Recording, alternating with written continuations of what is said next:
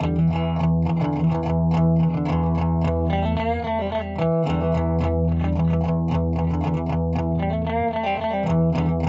to the Other Discovery Show, the podcast that's not about podcasts. It's the bonus show from the Podcast Discovery Show, and it's about all the other things we've discovered throughout the week. I'm Kirk. And I am Zach. And I discovered something that's kind of interesting, and I'm pretty tempted to do it. I found something called Tab for a Cause. And what they do is you can install a essentially plugin for your web browser Mm-hmm. that makes it so when you open a new tab, it has a lot of stuff on there. Like it'll have like a calendar or you can like save tasks on it and things like that. But each time one of those is opened, there's also a small advertisement on it. And they do that specifically for raising money for charity. So the Hmm. ad money is directly given to charity and the the company has essentially been very transparent with this all of their code for the the new tab, the browser extension, and the website are all open source, and they publish quarterly financial reports so you can see how they're using the money. That's But- cool. At the very top of this, they literally have just it's going up all the time. You can just see like it's almost like a, a clock. The the cents column is going up, but they've already raised a million dollars for charity from just people opening their tabs. Really? So, And- like, companies will pay for their uh, yeah, com- to be companies will that pay to advertise you, and that money that they're making off advertising, they uh, donate to charity as well. Huh. And so essentially, you, uh, I guess, when you set up an account, what you do is you go through and you choose the like your favorite charity that you like to donate to. Hmm. So the You options they have that? here, That's cool. yeah, the options they have here are like feed feed children, build libraries, send emergency aid. So there's a lot of like cool stuff that you can do literally just by whenever you open the 400 tabs that we all have open at any given time. You're Yeah. making money for charity. And no, and I also read a little bit because whenever you see this, it's like, okay, so what's the privacy policy like on this thing? Yeah. Um, but honestly, they're they're pretty transparent about the whole thing. They uh, they really try to just make it so that you know what what they're doing, and it's not something where you have to guess. And you can, I think there is literally a setting in the U.S. at least where you can say you're not allowed to sell my data to third party. So okay, a lot of times how they'll use your data is marketing companies or any brands will use the cookies that you have in your browser to try and give you specific advertisements. So for Kirk, it would be like beanie babies and Mhm. foot lotions and Yep. onesies. And Yes. so essentially, he would only get ads for those things unless he cleared his cookies or stopped searching for it altogether. Foot Or- beanie baby lotions. or if he or if he suggested to this company, look, I don't really want specific ads, just give me whatever ad. And then luckily for him, his tastes are so random that How he might I still get get the same ones. How- what? but yeah, they also have they also have a, a web like a search function as well, where you can do the same thing, where uh, advertisers will pay to be on that service, and you can raise money for charity. That's fascinating. We're all using tabs, so definitely going to look into that. What beanie babies? Yes, the beanie baby foot lotion. Uh, that's that's what I'll be looking into right after. No, there the was a comma there. It's beanie babies and foot lotion. Oh, okay, that makes more sense. Not foot lotion for your beanie babies. That's ridiculous. that's what I've been looking for. God, so stupid. I don't have any beanie babies at all. he's This just planning new his one. collection. This No, is a new one that you got me on. Is he's planning his collection. it's my beanie baby obsession that I apparently have. Um, so, in research for this episode's PDS, we learned a lot about one dude, and they just kind of scratched the surface on the episode about him. We were talking about this, you know, biodome type scenario that they had going on, created by this guy named John P. Allen. Um, and I wanted to look into him because he sounded fascinating. And I pulled up his Wikipedia, and it's a freaking Bible. The thing is huge. And he, like, I don't know how he lived long enough to do all the things because he did so many things. So I'm just gonna like shotgun some of these, and then it'll give more. It'll give a lot more context to the dude we're talking about when you listen to the the PDS, and and this is the guy that founded, you know, all of these crazy experiments that went on at the what was it called? The Biosphere, Biosphere 2. 2. Yeah. A $250 million like closed ecosystem he built in the desert in Arizona. It's crazy. It's crazy. So John Allen uh, is a systems ecologist, engineer, metallurgist, adventurer, and writer. He owns a, a thousand. This there's some things that won't even sound like they. This is the same guy because they don't really go together. It's just like what. This one I just put in here because it's just so random. He owns a thousand acre mahogany tree farm in Puerto Rico. uh, he was a co producer and dramaturge of Theater of All Possibilities, an internationally touring theater company that has over two dozen publications to its credit, many under his nom de plume, Johnny Dolphin. Johnny Dolphin. that sounds like a different. That sounds like a different thing. It sounds is like there, a, is there like a nom de porn? that's what it sounds like. Remember when we did that that nom show? The stripper. Uh, what was it? My dad wrote a porno. What was that dude's? Oh, what was his pen name? I can't remember. It was Rocky Flintstone or something like it that. Was something, it was something ridiculous like that. It was so stupid. That show anyway, was that, funny, man. A, that was a great show. By the way, if you have not listened to the first like season of My Dad Wrote a Porno, you should. It Do yourself hilarious. a favor and just go laugh. You will giggle, and you won't I'm trying, I'm trying to remember the setup. We I know we normally don't talk about podcasts, but it is a funny one. Like I think the setup is a son finds out his dad's an erotic writer and reads it. He reads it live on, with yeah, other comedian friends on the on the show. And his dad's like in his like 70s and he's actively writing Rocky Flintstone. That was Rocky his name. Flintstone. I'm almost positive. Uh, it sounds it sounds right. It's it was it's such a funny show, um, and the erotica is so bad.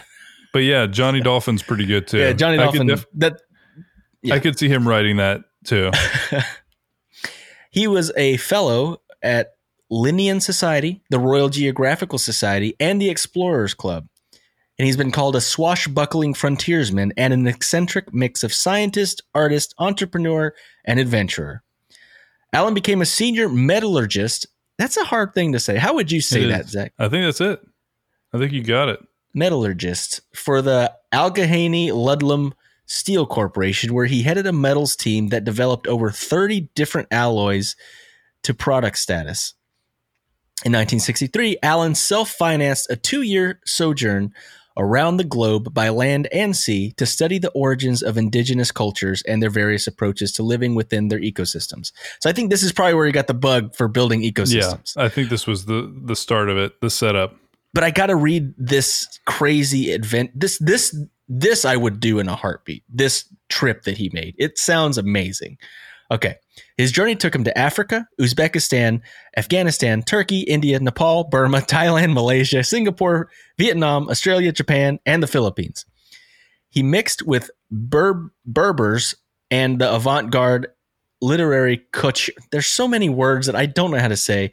Uh, that of the Tangiers, set up a painting studio in Morocco, hitchhiked across North Africa, uh, from Tangiers to the pyramids and Karnak, lived with tribal chiefs in Sudan, traveled with refugees to the Rann of Kutch in India and Pakistan, consulted for the International Medical Relief Organization in Vietnam, lived on a junk with tankas Hong Kong boat people is what it says because I guess so. That's a name. That's what I'm saying. There, there are things a, I don't even, yeah, I've never even heard some of. specific culture, I guess. Yeah, and worked as a journalistic stringer to a foreign correspondent on the Ho Chi Minh Trail in Southeast Asia, uh, visiting 23 South Vietnamese provinces in a six month period. This, how, how did this is the same dude? I mean, I was wondering how you get like because honestly I want to have written about me that was a swashbuckling frontiersman. right? That is such an awesome thing to be called. And I was like, what do you have to do to be called that? And apparently it's that. Like just go all over the place. And then in 1969, he co founded and became general manager of Synergia Ranch. And that's kind of where everything, where he started this whole like compound, uh, not compound, uh, commune, Commune. lifestyle. Uh, I mean, eventually it was a compound. I would, I would almost call the Biosphere 2 a compound. Oh, it's a beautiful one, but it's it was definitely a compound for those that were in there. I feel Uh, like ranch- compound definitely has a connotation. Yeah, maybe it does. In the 1980s, he started Biosphere 2, a quarter billion dollar project financed by an oil tycoon that was primarily created for the purpose of scientific discovery as well as a prototype for habitats in non hospitable environments. The biosphere had a rainforest, savanna, desert, marsh, ocean, and agriculture biome. Eight participants were locked in the biosphere for two years, where they had to self sustain and maintain the eco- ecosystems. They were successful to an extent, but not without much drama and many hurdles. Uh, and I, I want to end with this quote by him, and it's just it, it's perfect. I think adventure is where human beings can find the best route to the answer of the question, "Who am I?" You don't have to justify climbing Mount Everest. You don't have to justify diving deeper into the ocean than anyone before, and you don't have to justify going into space. It's an end in itself because it leads to contemplation. It makes you out of it takes you out of superstition and fanaticism. That may be its greatest benefit. so basically, you know, he just he had this like adventurous spirit. Um, he sounded like a crazy dude. He doesn't seem like a an amazing guy, at least in the in the story from the Biosphere 2. But this dude's history and his Wikipedia is crazy, and all the things that he did. People that are this intense in their life are intense to be around. You know what I mean? Yeah. That, it's just what it is. It, it's what it is. Like there's a reason that Steve Jobs and like Bill Gates were as intense as they were and created the reputation they had of being ruthless is because they were nonstop going for it. You know, and so that's why they don't have they don't have an off switch, and that includes like they're not always nice people to be around. So yeah, that's but that is that is wild. And you know what? I think it's time to go something else wild. Um, we we got a couple calls Oh, geez. on on the the disco hotline, and I think it's time to uh to hear from a couple of uh, friends of ours. Here we go. Say yes. Say yes. Say yes to the PDS. Say yes. Say yes. Say yes to the PDS. Say yes. Say yes. Say yes to the PDS. Hey guys, um, oh my goodness, it's, it's been a minute. It's like the minutes turned into hours, and hours turned into days, and the days turn into weeks, and then the weeks turn into months, and it's just been such a long time. I'm so sorry. I really like you guys. I just want to let you know I'm still here, and I um, I I've been listening every week. I haven't missed a single episode. Um, I've just been so busy with all the cats. Do you remember those, right? Like those the kitty cats that I have to um, get back to and all that. And then my mom. Oh my goodness. Oh, my mom is she's ridiculous. So I'm really sorry. I've just been real busy, but I love you, uh, especially Zach. Bye. Okay. Um, so yeah, uh, and first of all, I don't know why, but Google translated this because this goes to our voicemail, um, and they, it translated this into Portuguese. This is, the what, new game, right? This is like, what did Google translate this to now? Uh, I mean, do you want to know what it what it says in Google yes, Translate? please read the whole thing for me. I mean, first of all, the the say yes to the PDS part is just like say ya say say ya say, but then it says, "I would ask you to see ya. I believe you would go." Nina, you didn't answer me. I was attacked before you, but if you're gonna fall here, you'll see me all over there. I think you've gone to your house. Wait, so did you just Google translate that from Portuguese? Yeah, to English. Because it, it was in Portuguese. I remember that. I didn't. I, didn't Uh, it's not what he said. It's not what he said. I just thought it was interesting and just wanted No. to share it. She just wanted to share it with everybody. that's great. And yeah, it's a everybody, great song. It's a great everybody who uh, hadn't heard it before, that is the unofficial PDS theme song that he created for us long, long ago. Yep. Yep. But we also got a, we got a call from Johnny that we need to. Uh, Oh, geez. And, and Johnny. Johnny has a PSA this time. That he It needs is- to share with it's the world. Interesting PSA. Hey boys, it's your favorite friend Johnny. Hey, how you doing? Hey, I hope you guys had a great Thanksgiving, a good old Turkey Day. I know for me, I took a one-way ticket to Turkey Town, and then I did a little gobble until I wobble. you know what I'm saying? Uh, but listen, hey, uh, it's on a serious note. Uh, discovery I made this week is that COVID is going crazy. Everybody got the Rona, Ona, Rona, Ro, COVID, Corona, whatever you want to call it. Listen, here's I got some advice for you all, okay? You either got to mask it or cast it. You know what I'm saying? All right? It's important. It's a PSA from Johnny. Johnny PSA of the week. You know what I mean? So you got to mask it or you cast it, man. That's all I'm saying right there. All right. Talk to you guys later. Have a good one. So you heard it here. The newest message from the oh, what is it? It's not the FDA. What's the The World Health Organization? sure World Health Organization? Mask it or casket? Or casket? And that's I guess that's that's the options. So thanks. It sounds thanks like for the worst. T-shirt ever. yeah, it's a little morbid for uh like an organization like them to be putting out, but it is what it is. You know, it gets it's like a click it or ticket. You know? yeah, Buckle mask up or you don't get a casket. It sounds more like a billboard than a T-shirt. There we go. It does. Yeah, that's it's fair. Um, but yeah, so thanks so much for calling in. We uh we appreciate it. And yeah, if anybody else would like to call into the disco hotline, please do. We would love to hear from you. We love to hear your discoveries. We love for you to just say whatever, you know, come come hang out and be on the show.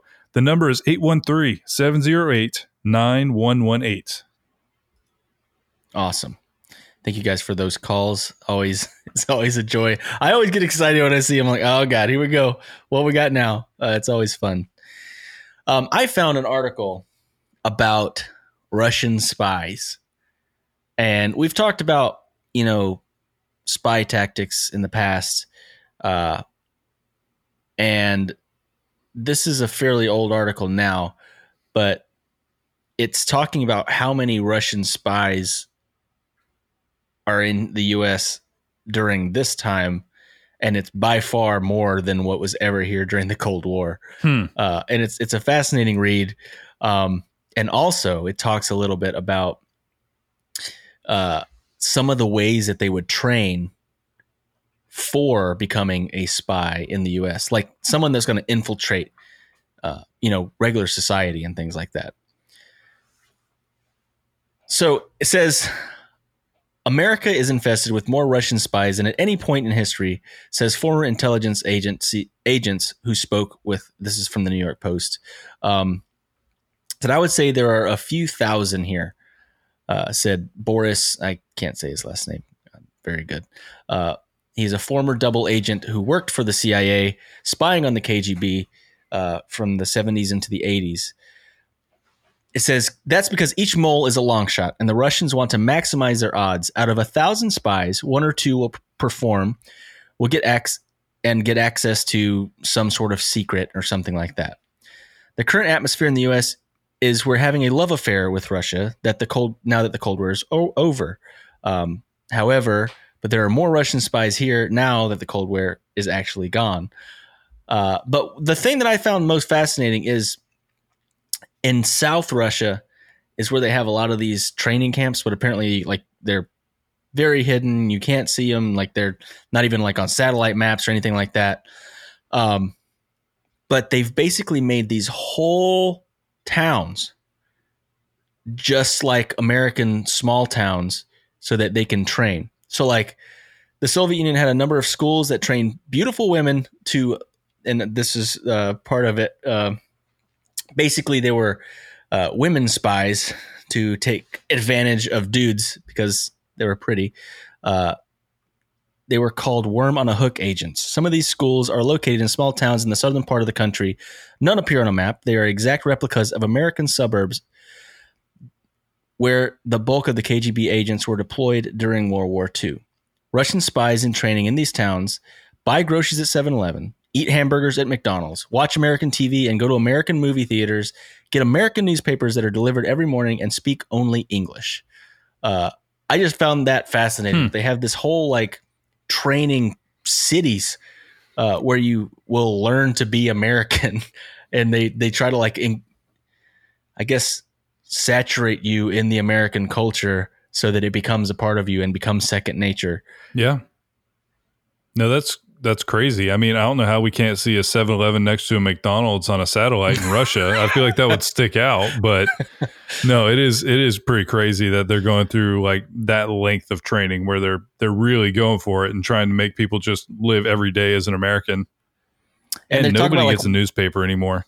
What are they trying to like get? Like, what are they? What's uh, and a lot of it they talk about is they're trying to get more info on specifically like military technology and even just regular technology because since the cold war they've been so far behind in technology that they're trying to get ahead of us and same thing with like the the space race and all that crazy stuff um anyway i just I thought it was a fascinating article about these cities in russia that are just like us cities Yeah, I would. That would be the weirdest thing because I'm sure they're great at it.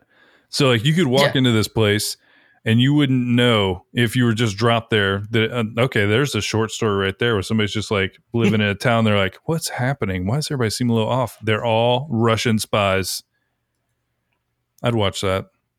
I'd watch that show. So me and Kirk the other day were talking about the Michelin star. We were talking about essentially that that's a thing that if you have a Michelin star on your restaurant, that means you're extremely fancy.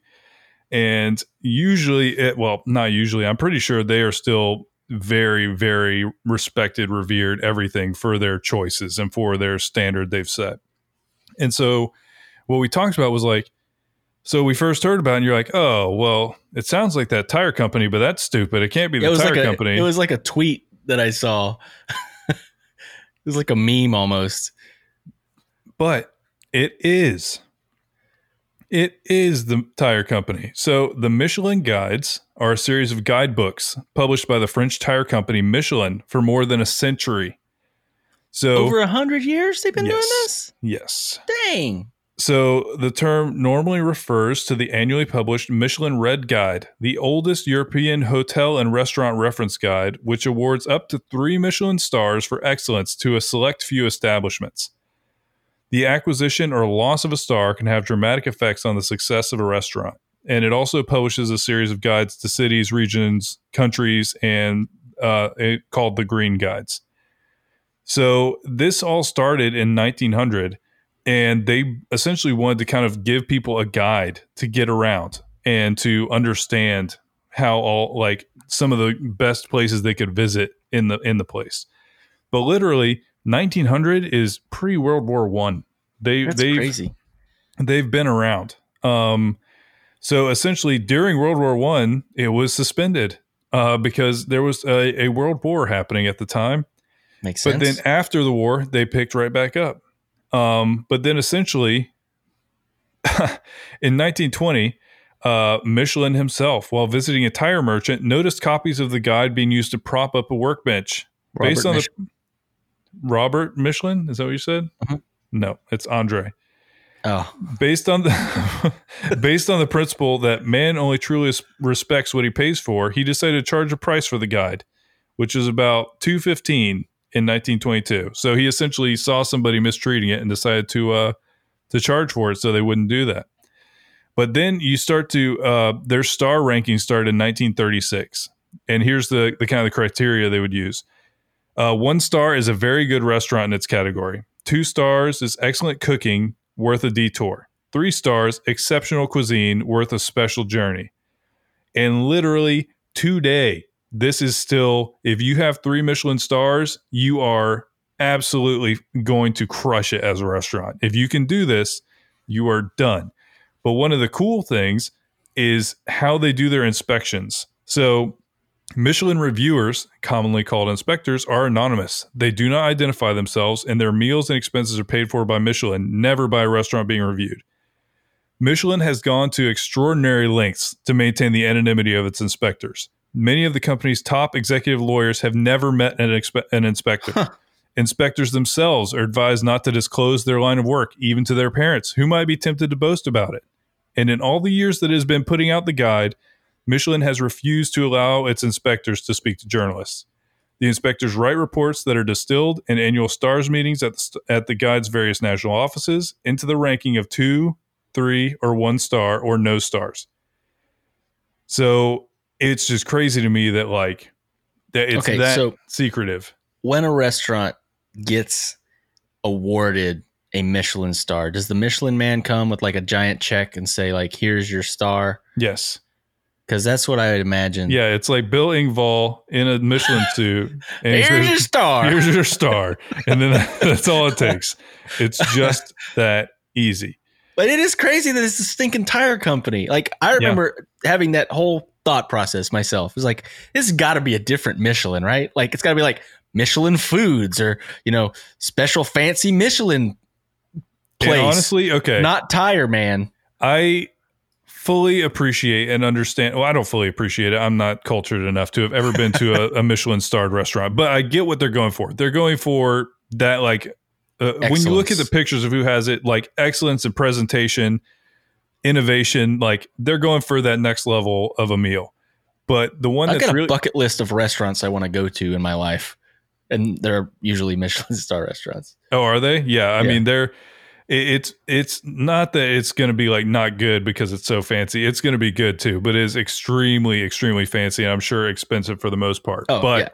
they have another thing called the Bib Gourmand, which since 1955 they've also highlighted restaurants offering exceptionally good food at moderate prices.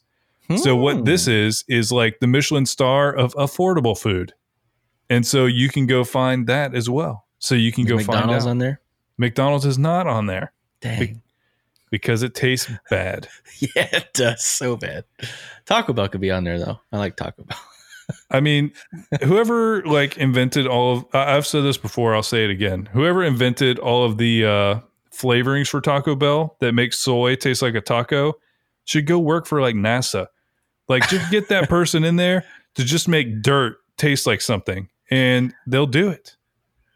They keep taking good things off the menu though. They're like gonna they're ruining it. They're ruining it. Taco Bell do better. I did see they got rid of the beefy crunch burrito and then They I, they lost me because I love my Mexican pizza and they just destroyed it. It's gone forever. No Mexican pizza anymore. yeah, it was uh Sad. it was a tough it was a tough year for everyone, including Taco Bell. Yeah. Yep. Beefy five layer burrito. Bye bye. Yep, no uh no Michelin stars for Taco Bell anymore. They they lost their Michelin. It was all based on the Mexican pizza. all right. Uh, are we good? Are we done? Yeah, this should be like 20. Are we done? Can you leave that part in? See everybody. Are we done? Are we done? Can we be done? Are we over? Yeah, we're done. Thanks so much for listening. We really appreciate it. We love you guys. Bye. No, I was asking because you had another one on here, so I didn't know if you wanted to do it or not. Oh, I mean, I can do it, but I think we're good. We're We're, fine. we're right at the time. yeah. Oh man. That was, Are we done? we nailed the ending of that.